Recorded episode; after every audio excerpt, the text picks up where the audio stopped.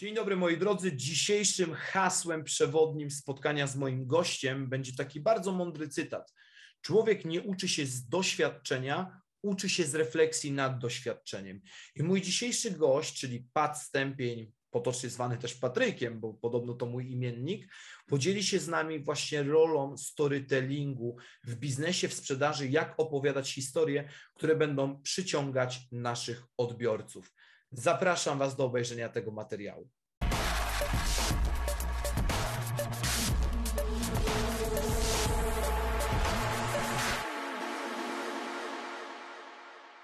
No to moi drodzy, dzisiaj zabieram Was w podróż z Patrykiem Stępieniem. Witaj Patryku. Cześć, witam Was bardzo serdecznie. Zanim zacznę od standardowego pytania, to mam inne pytanie. Skąd w ogóle pomysł na ksywę PAT? O, bardzo Ci dziękuję. Myślę, że e, nie zaskoczę Cię tym. To jest pytanie, które bardzo często gdzieś tam się pojawia, o które pytają uczestnicy moich szkoleń, warsztatów. E, w zasadzie odpowiedź jest bardzo prosta. Jest to zdrobnienie od mojego imienia, o którym wspomniałeś, czyli od Patryka. E, I od tego, że pomyślałem sobie kiedyś, że aby mm, troszeczkę skrócić swoje imię po to, aby być bardziej charakterystycznym, nazywano tak nie na podwórku, no i gdzieś tak uznałem, dlaczego nie? Dlaczego tego nie wykorzystać? Czasem gdzieś spotykam się z taką opinią, że być może jest to nie na miejscu w nauce, z racji tego, że rozwijam się naukowo, że może nie na miejscu w biznesie, natomiast ja uważam, że jest to moje, czuję się z tym dobrze i dlatego zawsze mówię do swoich uczestników i do Was też, mówcie mi Pat, będzie mi bardzo miło. Czyli znak charakterystyczny trochę. Trochę tak. Okej, okay. No dobra, no to teraz, no bo, to, bo zobacz, bo to jest ciekawe, nie? Gdybyśmy na przykład nie byli na ty, to jak ja bym miał się do ciebie zwracać? Panie Pat, panie Patu, panie Patusie? Nie mam pojęcia, no. To mam taką e, ciekawą historię właśnie, kiedy byłem na sesji zdjęciowej jednego fotografa i on właśnie też zapytał, jak ma się do mnie zwracać, panie Pacie, panie Pat, panie, panie Patu i w sumie w zasadzie to mi bardzo pomogło, bo ja wtedy pamiętam, że byłem strasznie spięta. To była taka sesja niespodzianka od mojej żony na jakąś okazję, nie pamiętam już na jaką. I właśnie on tak zawsze mówił: No to panie, pacie, tutaj zrobimy teraz to, tutaj to. I tak rozładował tą atmosferę i tak napędził to wszystko. Dlatego to też jest właśnie taki element charakterystyczny, gdzie ktoś się zastanawia, jak z tego skorzystać, jak, jak to e, odmienić ale myślę, że naturalnie gdzieś to e, wprowadza też taki element pozytywnego nastroju, rozładowania, czasem takiego napięcia, jak to są jakieś powiedzmy trudniejsze treści szkoleniowe, że wchodzi pan trener i nagle mówi, a ja jestem pat, mówcie mi tak. Troszeczkę ten e, dystans się zmniejsza wtedy, tak sobie myślę. No bo wiesz, bo tak między wierszami to też może komuś przyjść do głowy panie Patusie, nie? Więc dlatego, dlatego, dlatego, dlatego o to zapytałem. E, no dobra, ale e, Patryk, wprost, co można od Ciebie kupić, powiedz już tak biznesowo, komercyjnie? Mhm. Wiesz co, ja w zasadzie zajmuję się głównie prowadzeniem szkoleń miękkich, z rozwijania e, kompetencji związanych z komunikacją, z asertywnością, ze storytellingiem, o którym dzisiaj będziemy rozmawiać, o tym, jak tworzyć te opowieści, jak korzystać z nich na sali szkoleniowej od perspektywy trenerskiej, w szkole z perspektywy nauczyciela, bo storytelling w zasadzie ma ogromne, ogromne, ogromne zastosowanie. E, prowadzę warsztaty rozwojowe z kreatywności, prowadzę warsztat na grze coachingowej Podróż Bohatera, gdzie każdy może postawić sobie ważny cel, który dotyczy jego życia, e, dotyczy jego biznesu, dotyczy czegokolwiek, czego on chce i na procesie stworzonym, opartym na monomicie monobicie podróży bohatera, może przebyć swój głęboki proces coachingowy, który faktycznie pokaże mu, jakimi zasobami dysponuje, bo bardzo często my nie jesteśmy świadomi, co już mamy tak naprawdę, co, co potrafimy. To gdzieś tam nam umyka, e, przed czym się tak naprawdę musimy zabezpieczyć bo każda droga rozwojowa, biznesowa niesie, e, niesie, stawia przed nami różne trudności, które trzeba pokonać. Jeżeli mamy jakiś plan, wiemy dokąd pójść, to łatwiej nam to zrealizować, a jeżeli nie wiemy dokąd idziemy, no to na pewno dojdziemy do nikąd. To jest e, fakt. Dlatego ta, taki warsztat też jest bardzo, bardzo cenny. Prócz tego zajmuję się coachingiem z zakresu life i kariery. To są w zasadzie takie moje biznesowe, e, biznesowe obszary. E, natomiast poza tym naukowo jestem doktorantem na Uniwersytecie Śląskim. No i zobaczymy, jak to będzie tam. Też zajmuję się głównie e, storytellingiem. Okej, okay, ale powiedz mi, bo wspomniałeś mhm. o storytellingu nauczyciela. Tak. Ja od tego chciałbym zacząć, bo to jest dla mnie ciekawe. Pierwszy raz się spotykam z tym, że ktoś mówi o storytellingu od strony nauczycielskiej, co wydaje mi się bardzo zasadne, znając fundamenty, wiedząc czym jest storytelling, widząc jego zastosowanie, ale jakbyś mógł trochę szerzej o tym opowiedzieć. Czym jest storytelling nauczyciela, dlaczego on jest ważny? Mhm. Wiesz co, ja powiem to od siebie tak bardziej, czym dla mnie jest w ujęciu, w rozumieniu tego nauczyciela. Nie będę przytaczać różnych publikacji, bo to nie o to tu chodzi. Ja to czuję w taki sposób, że storytelling, czy w biznesie, czy, czy gdziekolwiek indziej, sprowadzę to troszeczkę do wspólnego mianownika, bo jak dla mnie wspólny jest ten, ta baza. Chodzi o to, żeby spotkać się z drugim człowiekiem, w tym przypadku z uczniem, w tym samym miejscu, żeby pokazać mu poprzez tą opowieść, poprzez to wtrącenie, poprzez ten przykład, bo storytelling nie musi być opowieścią, nie musi być jakąś tam mitologizacją czegoś, to może być normalna, prosta historia, normalny, prosty case z życia, który jest już przeniesieniem nas stąd tu, gdzieś tam, do innego miejsca i zostawia coś, co będzie pracować dalej. Dlaczego to jest ważne? Mój taki ogromny mistrz filozoficzny, pedagogiczny, John Dewey, od którego tak naprawdę e, zaczęły się różne formy e, warsztatowych, warsztatowych form edukacyjnych, e, powiedział kiedyś bardzo mądre słowa. Człowiek nie uczy się z doświadczenia, tylko z refleksji nad doświadczeniem. I historia jest takim doświadczeniem, które prowadzi do tego, żeby była refleksja nad tym, co usłyszymy. I to jest najcenniejsze w tej historii, żeby zbudować ją tak, aby ktoś mógł się zastanowić, o co w tym chodzi, dlaczego to jest ważne, czego ja mogę się z tego nauczyć. Myślę, że, że to jest ważne w edukacji, żeby dostarczać tych doświadczeń, żeby uczeń mógł zastanowić się, zatrzymać, nawet pokłócić się z tą historią, bo może właśnie wtedy coś do niego trafi, coś takiego będzie e, w nim gdzieś tam kiełkowało i w przyszłości zaowocuje wspaniałymi jakimiś, nie wiem, plonami, czymkolwiek. Tak no, sobie myślę. Okej, okay. fajne, fajne to zdanie z, z tą refleksją, doświadczeniem. Bardzo, bardzo, bardzo się nad tym zgadzam i, i taką też widzę troszeczkę e, rolę historii w, w ogóle, czy to w biznesie, w sprzedaży, czy w ogóle w życiu. Ale to zanim przejdziemy do tego, mm, jak w ogóle tworzyć historie, które, które są ciekawe, jak uprawiać ten modnie nazwany storytelling, to powiedz mi, dlaczego tak wielu ludzi nie potrafi opowiadać historii?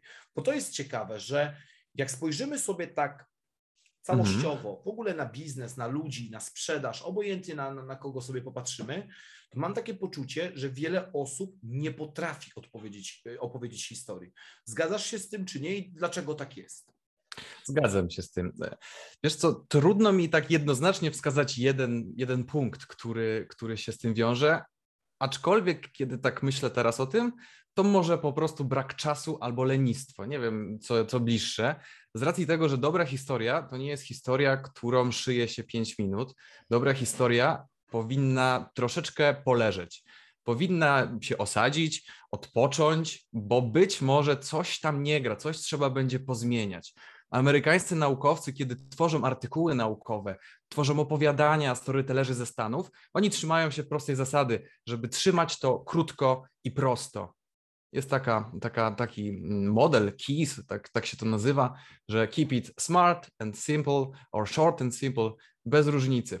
Chodzi o to, żeby to, co tam piszemy, bo opowieść, historia to nie musi być opowieść mówiona. Ona może być przekazana w formie obrazu, w formie filmu, w formie pisanej. Bardzo często storytelling praktykuje się chociażby w social media to myślę, że takim najprostszym przykładem jest nawet LinkedIn, na którym my mieliśmy okazję się poznać, że tam jest wiele osób, które starają się właśnie w takiej narracji storytellingowej przekazywać swoją wiedzę i obierają to w zbyt duży taki potok, taką powiedzmy ścianę tekstu, gdzie być może coś tam fajnego jest, ale jest to troszeczkę przerysowane.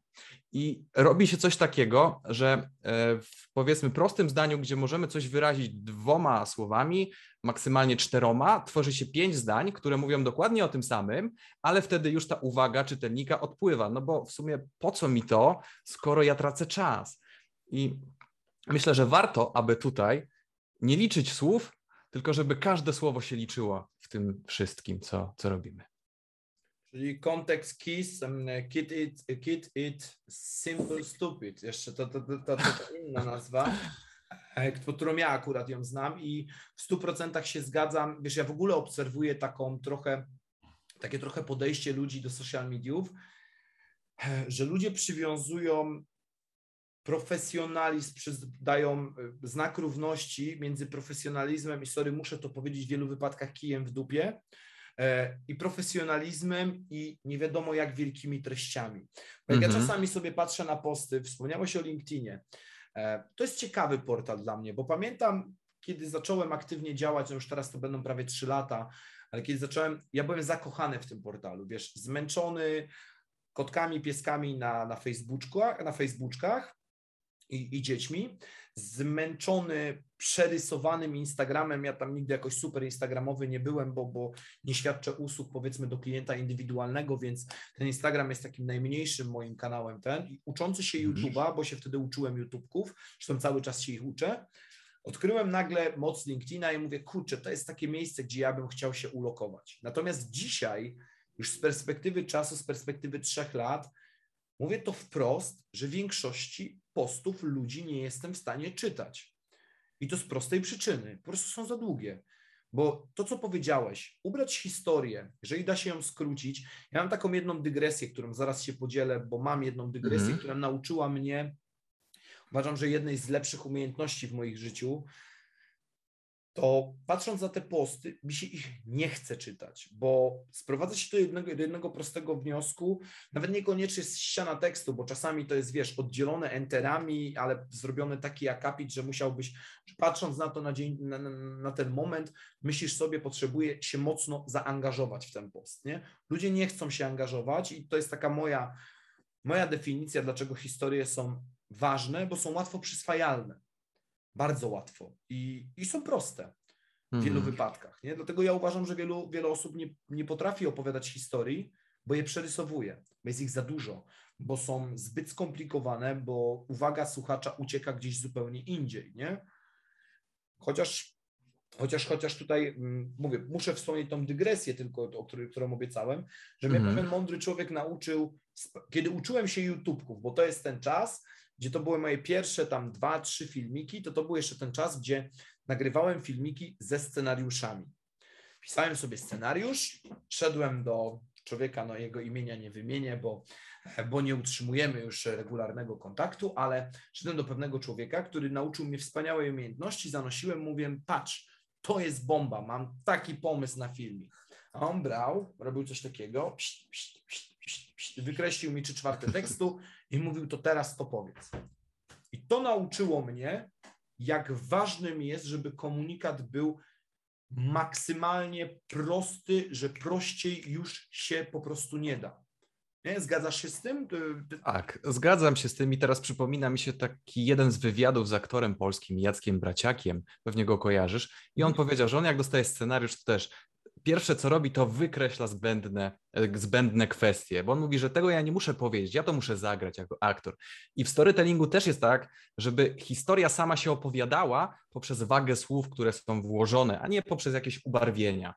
I też tak sobie myślę, że często zapomina się o medium, które się stosuje, do opowieści, którą chce się przekazać. Czyli tą samą opowieść, tą samą wartością możemy przekazać w różny sposób, w zależności od tego, gdzie to robimy. Jeżeli jest, załóżmy, konferencja jakaś, i mamy panel, który ma trwać półtorej godziny wystąpieniem. To już jest hardkorowo, taki wykładowy bardziej. No to tutaj możemy sobie pozwolić na troszeczkę mm, takiego ubarwienia, troszeczkę rozładowania tego napięcia. To jest nawet wskazane, żeby nie trzymać do końca tak słuchacza, bo on się zamęczy, jeżeli ta historia jest zbyt merytoryczna, ale jeżeli mamy mniej tego czasu, jeżeli potrzebujemy coś, powiedzmy, przekazać w krótkim czasie, ale żeby to był ten rdzeń, który faktycznie będzie później pracował, no to trzeba nad tym posiedzieć. I wbrew pozorom, dużo trudniej i dużo dłużej czasu poświęca się na stworzenie tego rdzenia, niż na takiego, na napisanie sobie, czy przygotowanie jakiejś, powiedzmy, koncepcji takiego wykładu, który może półtorej godziny zająć, nie? Bo to jednak mimo wszystko tam jest więcej czasu i przestrzeni na taką improwizację, która też często się przydaje, ale też nie za dużo, a tutaj już powinien być jakiś konkret, konkret, który, który trafi, który coś zostawi, ale i tutaj jest też bardzo ważny punkt. to, co powiedziałem na początku, że w storytellingu jest coś takiego, żeby spotkać się z drugim człowiekiem we wspólnej przestrzeni. Ale żeby tak było, to odbiorca musi zobaczyć tą przestrzeń, którą ja chcę mu pokazać. Bo jeżeli ja pokażę mu przestrzeń, ale nie mam kontroli nad przestrzenią, którą mu pokazuję, a przynajmniej nie jest to moim celem, to znaczy jeszcze raz, jeżeli nie mam kontroli nad tą przestrzenią, to on może zobaczyć zupełnie inną przestrzeń, wyciągnąć zupełnie inne wnioski, pójść w innym kierunku. I jeżeli to nie jest moim celem, bo może być taki mój cel, żeby miał swobodę, to ok, ale jeżeli to nie jest mój cel, no to wtedy po pierwsze tracę odbiorcę, rozkłada mi się cała historia, to wszystko, co próbuję zrobić, jest do wyrzucenia, no bo, bo to nie działa. I, I tak naprawdę uczestnik później jest zawiedziony tym, no bo w sumie miało być tak super, miałem się dowiedzieć tego, a jednak nic nie wiem, nie? I myślę, że to jest takie trudne, żeby dostosować narzędzia, dostosować, dostosować przestrzeń, dostosować ten kanał medialny do tego. No, także tak, tak, tak, tak to widzę, nie? Nie pamiętam, kto wypowiedział te słowa, ale było jakieś takie, było jakieś takie, y, takie charakterystyczne powiedzenie, że napisałem długi tekst, bo nie miałem czasu na napisanie krótkiego. Nie, nie pamiętam, kto to, kto to powiedział, ale znam takie zdanie, kojarzę je. E, hmm. I, I, zgadzam się z tym w 100%, że stworzenie dobrej, krótkiej historii jest dużo trudniejsze niż opowiadanie długiej historii, gdzie w połowie historii, uwaga słuchacza, nam ucieknie. Bo to też jest, e, tak jak wspomniałeś o tym, wiesz, półtora godzinnym wystąpieniu. No mi się w życiu raz zdarzyło występować na pewnej konferencji. Pamiętam to jak dziś, jak organizator Jarek, którego serdecznie pozdrawiam, w ogóle to klient mój z YouTube'a, więc mm -hmm. będzie to oglądał, on będzie wiedział, że on to on. Pozdrawiam. Podczas jednej konferencji i powiedział do mnie, miałem tam godzinne wystąpienie, mieć tam chodziło chyba o obiekcje, jak dobrze pamiętam. I podszedł do mnie i mówi, Patryk, prelegent po tobie nam się wykrzaczył, pociśniesz dwie godziny, a ja miałem trzy minuty do wystąpienia pocisnę. Nie? I tak na, na spontanie poleciałem dwie godziny, bardzo dobrze wyszło. Natomiast Zgadzam się z tym, że mówię, że większość historii e, musi mieć nadane pewne ramy, tak jak, jak to się modnie mówi. I teraz gdybyś mógł opowiedzieć tak swoimi słowami, jak Twoim zdaniem skonstruować dobrą historię? Hmm. Bardzo trudno jest skonstruować dobrą historię. Dlatego jest mnóstwo narzędzi, mnóstwo schematów, które w tym pomagają. I w każdej historii przede wszystkim musi być jakiś bohater, bo to bohaterowi my kibicujemy. Czy tym bohaterem będzie klient, czy tym bohaterem będzie ktoś z rodziny klienta, czy ten bohater będzie zupełnie kimś innym. Bardzo ważne, żeby ten bohater się tam pojawił. Jeżeli to jest powiedzmy Stasiu, Stasiu lat 30, który zarysujmy go jeszcze bardziej, jest pracownikiem firmy IT, to osobom, jeżeli jest to skierowane do powiedzmy osób, które pracują w IT, będzie łatwiej się utożsamić z tym Stasiem, bo być może wyobrażam sobie siebie na miejscu tego Stasia. I jeżeli bohater w naszej opowieści jest sprofilowany tak, że my widzimy w nim odniesienie do siebie albo odniesienie do kogoś z naszego, z naszego bliskiego otoczenia, do córki, gdzie możemy zarysować powiedzmy jakiś, jakąś trudność w historii odnoszącą się do środowiska, które może negatywnie wpływać na nasze dziecko, do problematyki uzależnień od internetu, od innych używek, to też będzie działało na naszego e, potencjalnego odbiorcę, bo on widzi tą analogię, to połączenie, że jego to bezpośrednio lub pośrednio dotyczy, więc on wtedy w tą naszą historię idzie. Kiedyś, e, kiedyś spotkałem się z tym, że mówiło się o produkcie, że robimy historię produktu i produkt jest bohaterem. Mhm. Ja odradzam tego z prostego powodu, bo produkt nie jest bohaterem. Produkt jest czymś w rodzaju naszego miecza, czymś, co pomoże nam rozwiązać problem, który się pojawia, ale produkt nie jest bohaterem.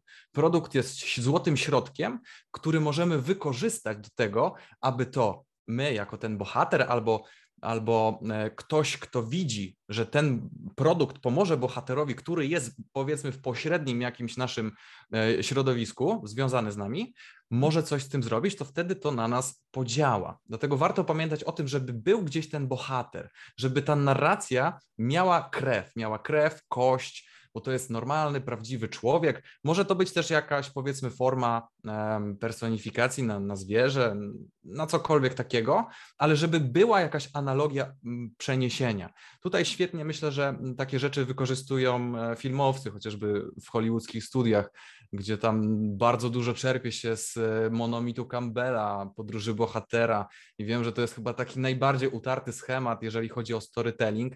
Ja go będę zawsze bronił, bo jest świetny, jest naukowy, jest przebadany pod każdym kątem. Może czasem jest za długi, ale nigdzie nie jest napisane, że trzeba go stosować w pełni. Trzeba po prostu zrozumieć, które elementy z niego wyciągnąć i włożyć. Bohater jest istotny. Pojawić powinien się też w naszej historii jakiś konflikt, jakaś trudność, coś, z czym mierzy się nasz bohater, z czym mierzy się zwykły człowiek, zwykły Kowalski, zwykły Staś, e, zwykła córka pani Teresy, e, z czym mierzymy się my, z czym ja się mierzę na co dzień, że na przykład czuję się źle w mojej pracy, e, ale to nie jest koniec świata, że ja się czuję źle w mojej pracy, bo ja mogę ją zmienić, ale może też jest szansa, żebym ja porozmawiał z kimś wyżej, czy jest możliwość przejścia na inne stanowisko w tej firmie, gdzie już te moje kompetencje będą lepiej odpowiadać zapotrzebowaniu, gdzie ja będę się rozwijać, gdzie coś będzie się tutaj działo. Więc ten konflikt jest super i jest potrzebny po to, bo po pierwsze, odbiorca kibicuje naszemu bohaterowi. Zazwyczaj kibicujemy bohaterom, nawet jak oglądamy jakieś filmy. Przypomnij sobie jakiś film, gdzie był wyrazisty bohater, trafił się jakiś, powiedzmy, jakiś, jakiś trud go spotkał, i, I, zastanów się, i wy też zastanówcie się, czy wtedy trzymaliście kciuki za to, żeby mu się nie udało, czy żeby mu się udało. No Juri Bojka, nie trzeba daleko szukać. Mój, moja ulubiona postać filmowa, e, niepokonany 1, 2, 3, 4 to jest mój ulubiony aktor. On zawsze ma trudności. No właśnie, no właśnie. I zazwyczaj się kibicuje takim bohaterom. Ja mam w głowie teraz obraz z takiego dosyć trudnego, e, trudnego filmu e, Chłopiec w pasiastej piżamie. W zasadzie końcowa scena, kiedy już nasz Bruno trafia do komory gazowej, zamykają się te drzwi i ja do dzisiaj, pomimo że oglądałem ten film x razy, pomimo że prowadziłem warsztaty z młodzieżą w oparciu o ten film kilka razy, to dalej kibicuje, żeby te drzwi ktoś otworzył, dalej mu gdzieś tam kibicuje, żeby ten moment nastąpił. I być może to nie chodzi tutaj e, fabularnie o ten film, ale ta scena jest takim przykładem, że ta trudność się pojawia, nie? Że, że jest, jest jakaś trudność, co prawda w tej fabule nie chodzi o tą konkretną trudność, ale my kibicujemy emocjonalnie temu bohaterowi, żeby on pokonał, pokonał tą trudność. No i tutaj wchodzą emocje. Jeżeli są emocje w naszej historii, te emocje mogą być różne. Mogą być emocje nieprzyjemne, mogą być przyjemne, e, w zależności od tego, na czym nam zależy. Naukowo podaje się, że te raczej nieprzyjemne bardziej nas napędzają, bardziej nas angażują. Jeżeli się wkurzamy na coś, jest ta, jest ta złość w nas, albo jest jakiś lęk, to bardziej idziemy w tą historię, bo jakaś taka wewnętrzna ekscytacja się pojawia. Nie wiem, nie jestem biologiem, nie jestem e, osobą, która w jakichś takich aspektach się e, tutaj zna i powinna wypowiadać, ale być może jakieś tam związki się wtedy wydzielają w organizmie, które właśnie wzmacniają to, że angażujemy się bardziej w to. Bo jeżeli jest radość, jest, jest powiedzmy cukierkowo, no to okej, okay, czasem pójdziemy w to, a czasem po prostu będzie tutaj za słodko w tym drugim aspekcie bardziej to działa. Natomiast emocje ogólnie trzymają nas przy tej opowieści, dlatego że ona nie jest nudna, nie jest statyczna, coś się dzieje, coś się w niej dzieje, coś nas w niej porusza. Nie ma emocji, usypiamy i, i odpadamy. No i w zasadzie powinno być jeszcze jakieś tutaj rozwiązanie tego wszystkiego. Czyli jak się kończy historia, czy jest podniesiony, powiedzmy, miecz w górę, czy pokonujemy trudności, dzięki czemu pokonujemy te trudności, a może odpadamy i dlaczego odpadamy, też warto się zastanowić. Historie, które mm, prowadzą do upadku bohatera, są wbrew pozorom cenniejsze niż te, które świadczą o jego zwycięstwie, bo one pokazują tak naprawdę, jaka jest trudność. Świetnie to wykorzystują e, marketingowcy, którzy promują e, marki samochodów. Był kiedyś taki spot reklamowy, nie pamiętam już jaka to była marka samochodu, gdzie zaczyna się wszystko taka sielanka, rodzinka sobie jedzie na, e, jedzie na, wycieczkę, na cokolwiek w takim amerykańskim miasteczku, piękne słoneczko świeci, dojeżdżają, dzieci się cieszą, jedzą sobie jakieś napoje, piją, mama, która siedzi z prawej strony, uśmiecha się do taty, wjeżdżają i nagle bach, samochód ulega potężnemu wypadkowi, zostało zderzenie boczne, koniec świata, prawdopodobnie jakieś ofiary, ofiary śmiertelne i na koniec komunikat, zapinaj pasy dla bezpieczeństwa.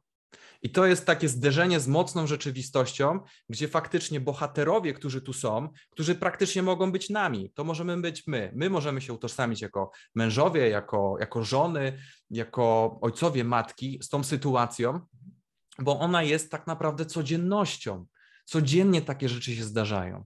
I wiedząc o tym, mając tą świadomość, aha, aha, zapinam pasy, albo może ten samochód będzie bardziej bezpieczny, bo jakieś tam rankingi bezpieczeństwa świadczą o tym, że nie wiem, kiedyś było Volvo najbardziej bezpiecznym samochodem, że w Volvo będę bezpieczniejszy, mora, moja rodzina, za którą czuję się odpowiedzialny, będzie bezpieczniejsza, to być może przy wyborze samochodu kolejnego zdecyduję się właśnie na tą markę. Ale tak czy inaczej, czy to zrobię, czy nie, ten film da mi do myślenia, aha, zapinam pasy, aha, rozglądam się, coś się dzieje, coś się zmienia, to pracuje ten obraz. Więc myślę, że to są takie zarysowałem bardzo podstawowe ramy. One mogą się różnić w zależności od tego. Ja bardzo często na swoich szkoleniach, warsztatach wykładam różne możliwości, wiele takich schematów, które można dostosować. Staram się, żeby praca wychodziła na kilku różnych płaszczyznach przy tworzeniu tych opowieści. Czy, czy one będą wykorzystywane w social media jako posty, czy będą wykorzystywane do tworzenia scenariuszy do spotów, czy będą wykorzystywane do pracy z innymi ludźmi, to już jest tak naprawdę e, zależne od osoby, która będzie sięgać i dobierać dobierać te narzędzia.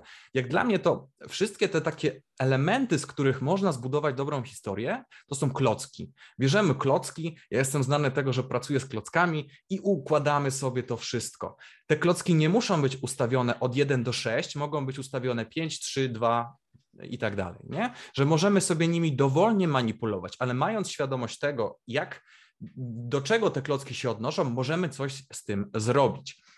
Także no, tutaj naprawdę jest ogromna, ogromna e, liczba kombinacji, ogromna liczba możliwości, ogromna liczba możliwych powiązań, z których możemy skorzystać, ale myślę, że takie podstawowe rzeczy to przede wszystkim bohater, przede wszystkim jakiś konflikt, który się pojawia zewnętrzny lub wewnętrzny, bo konflikt może być też w nas, możemy coś w sobie e, trawić, nad czym się, z czymś się zmagać trudnym, powinny, powinny, a nawet muszą, jak dla mnie, pojawić się jakieś emocje, które będą wywołane u odbiorcy. Przede wszystkim chodzi o to, żeby te emocje były wywołane u odbiorcy i powinno być jakieś rozwiązanie tego na plus lub na minus, w zależności od, od pomysłu, od celu.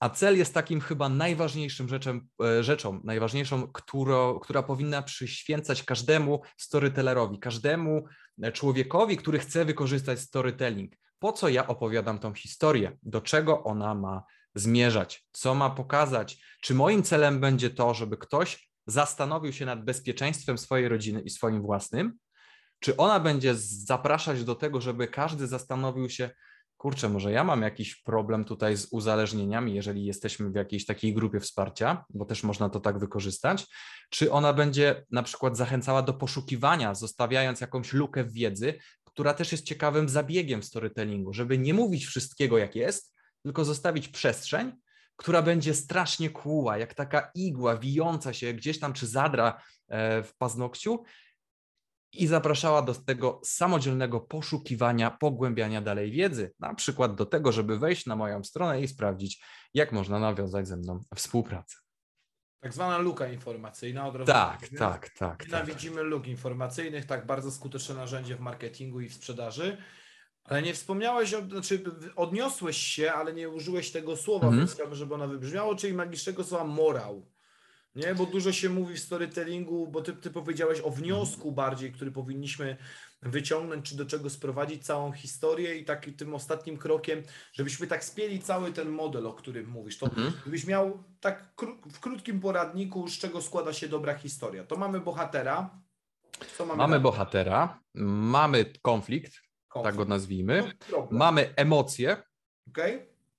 mamy rozwiązanie tego konfliktu, mhm.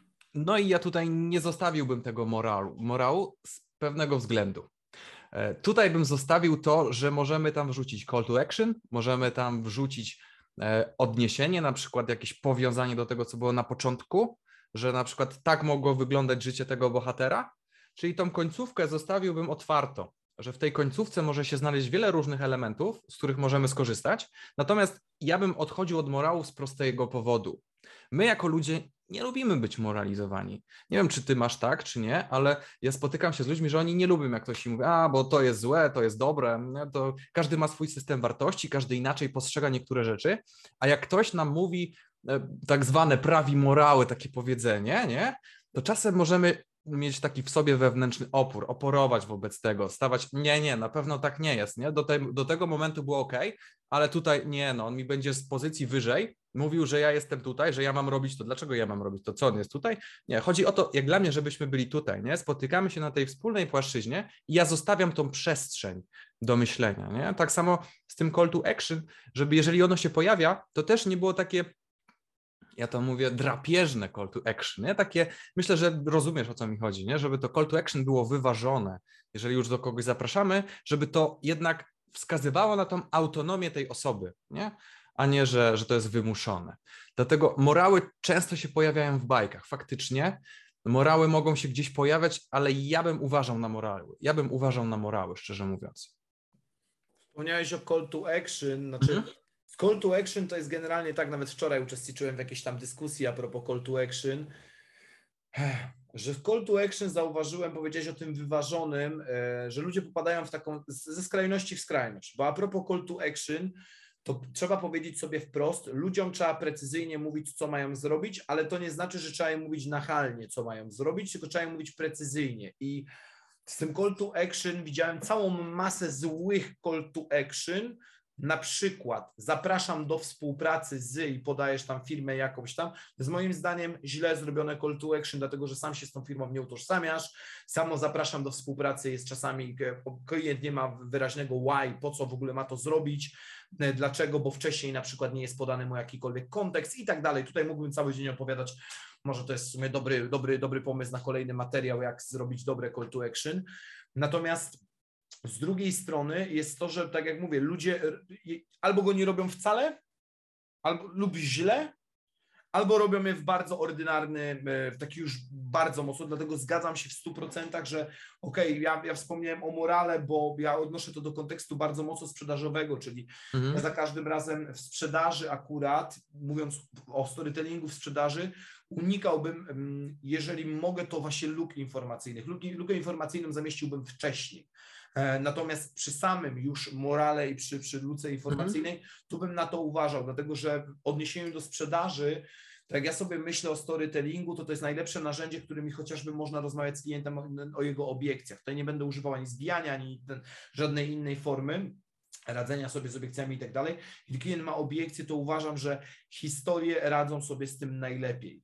I za każdym razem polecam, ja akurat to, to, to mówię w kontekście handlowym, że żeby handlowcy mieli zawsze jakąś historię, która stoi i tutaj mamy, mamy te ramy, o których Ty powiedziałeś, czyli zawsze mamy bohatera, on musi być, zawsze mamy jak, jakąś komplikację, jakiś problem, który wystąpił, jakąś wątpliwość i tak dalej. Później znajdujemy to, to, to solution, to rozwiązanie, no bo emocje, to no nie możemy mhm. mówić, że klient był w związku z tym zły, sfrustrowany, to bez sensu. To, to nasz słuchacz, ja wychodzę z założenia, że jest na tyle inteligentny, że przy dobrej historii on sobie sam dorobi do tego emocje. Jeżeli to będzie dobrze opowiedziane, nie? No, on czuje te emocje, no i później jakieś wyraźne, wyraźne albo rozwiązanie, albo właśnie call to action, albo e, właśnie konkretny wniosek, który płynie e, z danej historii, to, to słuchacz sobie sam ją wyciągnie.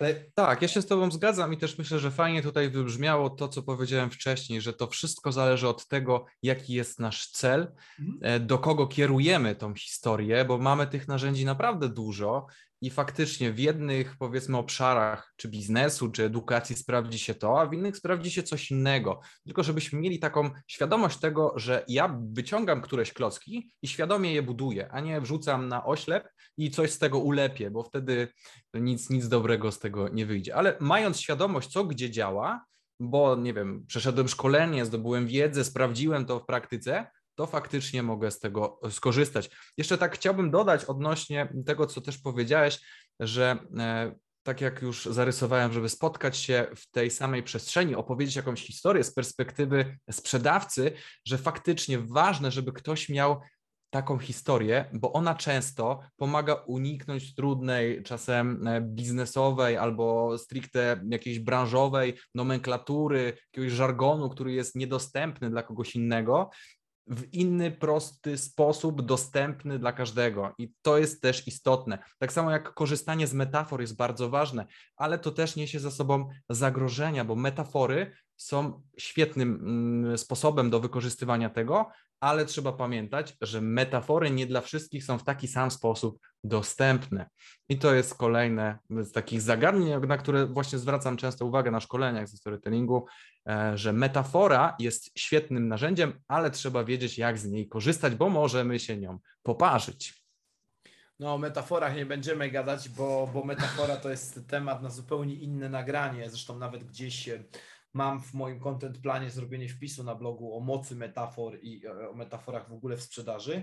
Ale kiedy jesteśmy przy błędach, to jeszcze chciałbym Cię mhm. zapytać, jakie najczęściej ludzie popełniają błędy właśnie w storytellingu czy w opowiadaniu historii? Już tutaj wspomniałeś o kilka, ale byś mógł je tak, tak nam mhm. uporządkować. No to tak zbierając wszystko, to przede wszystkim historie są niedopasowane do kanału, którym chcą go przekazać. Mhm. Albo są za długie, albo za krótkie, albo za bardzo kwieciste, albo, albo zupełnie bez sensu. No, niestety te klocki są niedopasowane, nie są spójne. Jeżeli brakuje logiki w tej historii, to się nam rozjeżdża, bo w pewnym momencie odbiorca, który, tak jak wcześniej wspomniałeś, nie jest głupi, on wie, czego słucha, no, złapie ten błąd, złapie ten brak spójności i odpadnie, i totalnie wszystko się rozjedzie. Więc po pierwsze, musi być historia dopasowana do danego kanału, czy to jest post na jakimś powiedzmy social media, czy to jest film, czy to jest konferencja, czy to jest element na szkoleniu e, w trakcie zajęć ze studentami, z kimkolwiek innym, musi być to dopasowane, czy to jest case, czy to jest odniesienie do filmu, czy to jest historia, którą my uszyliśmy sami przed tym e, naszym, powiedzmy, wystąpieniem, czy to jest historia inspirowana jakąś, nie wiem, bajką, czymkolwiek innym.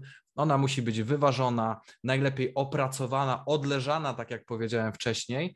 No i wtedy możemy coś z tym zrobić. Musi być spójna, spójna, czyli od początku do końca musi być ta spójność w tej historii. Jeżeli tego nie ma, no to już tutaj gdzieś stracimy naszego odbiorcę.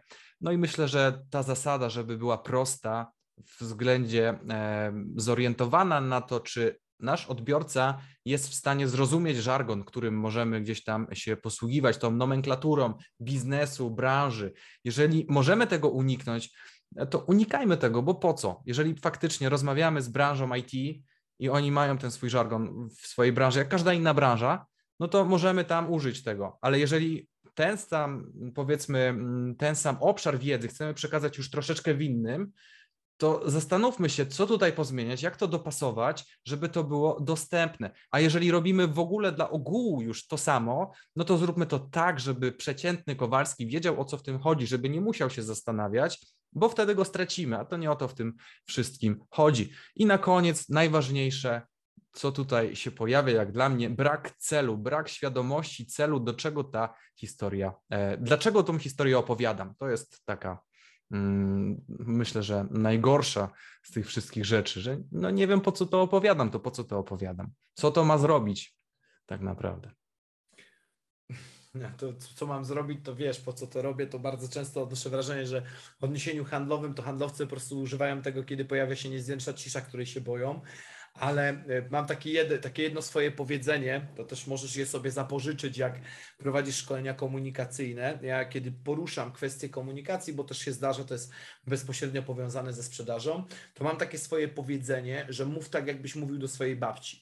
Nie? To jest takie moje ulubione powiedzenie e, dotyczące w ogóle komunikacji, stylu komunikacji, sposobu komunikacji, bo ja do języka, czy do tego, w jaki sposób mówimy, podchodzę analogicznie e, mhm. co do, do wielu innych kwestii, żeby było podane najprościej jak się da i trochę tak jak czasami na szkoleniach na przykład z obsługi klienta pojawia się to magiczne pytanie, czy zawsze klienta przepraszać. Ja mam takie swoje powiedzenie, że lepiej przeprosić o raz za dużo niż raz za mało i tak samo podchodzę do komunikacji, że lepiej raz na jednym spotkaniu mówić pro, prostszym językiem niż to się tego wymaga, niż mówić o raz za trudnym językiem, żeby stracić tego klienta, bo to jest takie moje troszeczkę podejście. Więc co do, co do błędów storytellingu, co do w ogóle podejścia do storytellingu, to ja się w 100% z Tobą zgadzam. I teraz mam jeszcze takie, takie jedno pytanie do Ciebie na, na zakończenie. Jeżeli któryś z naszych słuchaczy stwierdzi, że chciałby się rozwijać w obszarach storytellingu, sporo czytasz, nawet często się ścigamy na, na pozycję. E, powiedz, jakie książki polecasz z zakresu storytellingu? Hmm. Wiesz co, na pewno polecam książki Dana i Chipa Hit. Oni świetnie tworzą historię, świetnie generalnie gdzieś tam meandrują w tych obszarach związanych z tym, co działa na innych, na przykład e, przyczepne historie Made to Stick, taka publikacja bardzo, bardzo popularna mm, od nich, świetna jest, polecam. E, polecam książkę na pewno George'a Likoffa i Marka Johnsona, Metafory w naszym życiu. Mhm. No, metafory też bardzo często są wykorzystywane, więc to polecam. To już jest taka publikacja naukowa, która pokazuje, jak my na co dzień rozmawiamy, operujemy metaforami, nieświadomie nawet e, z tym związanymi. E, z takich książek myślę, że polecam jeszcze e, Podróż autora Christophera Woglera, taka też monografia z zakresu naukowego, troszeczkę obrobione jest tutaj mm, monomit Josepha Campbella, Podróży Bohatera, na taki, myślę, przystępny język. Publikacja skierowana jest do scenarzystów hollywoodzkich, no i w sumie na całym świecie też, ale docelowo była dla, dla tych, którzy uczą się w Hollywood tworzyć scenariusze filmowe, więc z tego można bardzo dużo wyciągnąć, bardzo dużo takich klocków, które nam się przydadzą. Mm, polecam na pewno sięgnąć sobie z czystej ciekawości do poetyki Arystotelesa, która do dzisiaj tak naprawdę po no, bardzo długim czasie nie została w pełni odczytana, rozszyfrowana, ale z takiej czystej ciekawości polecam. Z polskich storytellerów myślę, że narratologia e, Pawła Tkaczyka jest takim ciekawym akcentem, który gdzieś tam zbiera różne obszary, też można się e, posłużyć jego, jego elementami narracji.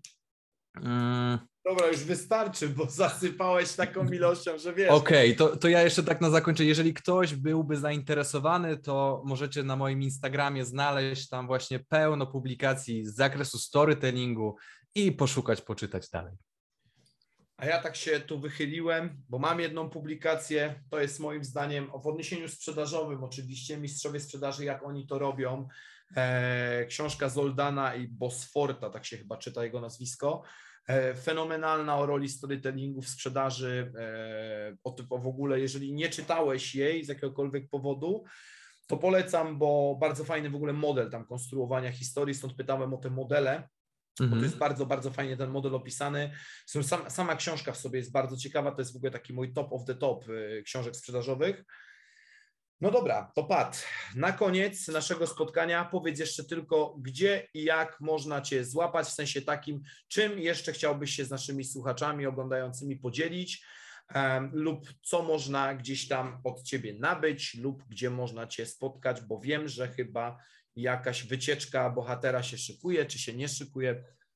Tak, tak, tak, tak. Na pewno niebawem będzie kolejny warsztat rozwojowy z wykorzystaniem gry coachingowej Podróż Bohatera, o której już wcześniej wspomniałem. Myślę, że informacje pojawią się na Instagramie. Sam warsztat prawdopodobnie odbędzie się w formule online. E, I, I właśnie bilety będą gdzieś w granicach kwietnia do nabycia. Jeżeli interesuje Ciebie e, e, kwestia związana z tym, jak wdrażać storytelling w social media, w biznesie, w edukacji, to możesz mnie znaleźć na mojej stronie internetowej. Link do tego na pewno znajdziesz pod filmikiem. E, możesz mnie znaleźć na LinkedInie, Padstępień. Jeżeli Cię interesuje właśnie ten obszar, który mnie gdzieś tam napędza, e, zapraszam do rozmowy, chętnie wymienię się myślami. E, jeżeli ktoś ma inne podejście niż ja, chętnie się wdam w merytoryczną dyskusję. Także, także myślę, że, że to tyle. E, jeżeli ktoś e, widzi jakiś potencjał, szansę na współpracę, to też zapraszam na LinkedIna. No i tyle. Życzę Wam wszystkim, żeby historie, które gdzieś tam w Was kiełkują, e, niosły się, a te, które słyszycie, zostawiały w Was to ziarenko, które wyrośnie i być może będziecie zbierać wspaniałe owoce z tego. Ale się podsumowałeś na zakończenie. Cóż więcej powiedzieć? Słuchajcie, e, ja w imieniu swoim, w imieniu nas wszystkich dziękuję e, Patryk za to, że znalazłeś czas, za to, że, że gdzieś tam trochę się podocieraliśmy, żeby się w końcu spotkać. E, no i mega dzięki za to, czym, czym chciałeś się z nami podzielić. Bardzo mocno Ci dziękuję. Ja też bardzo Ci dziękuję za zaproszenie. Dziękuję Wam. Do zobaczenia i do usłyszenia. Dobra, trzymaj się. Siema. Hej.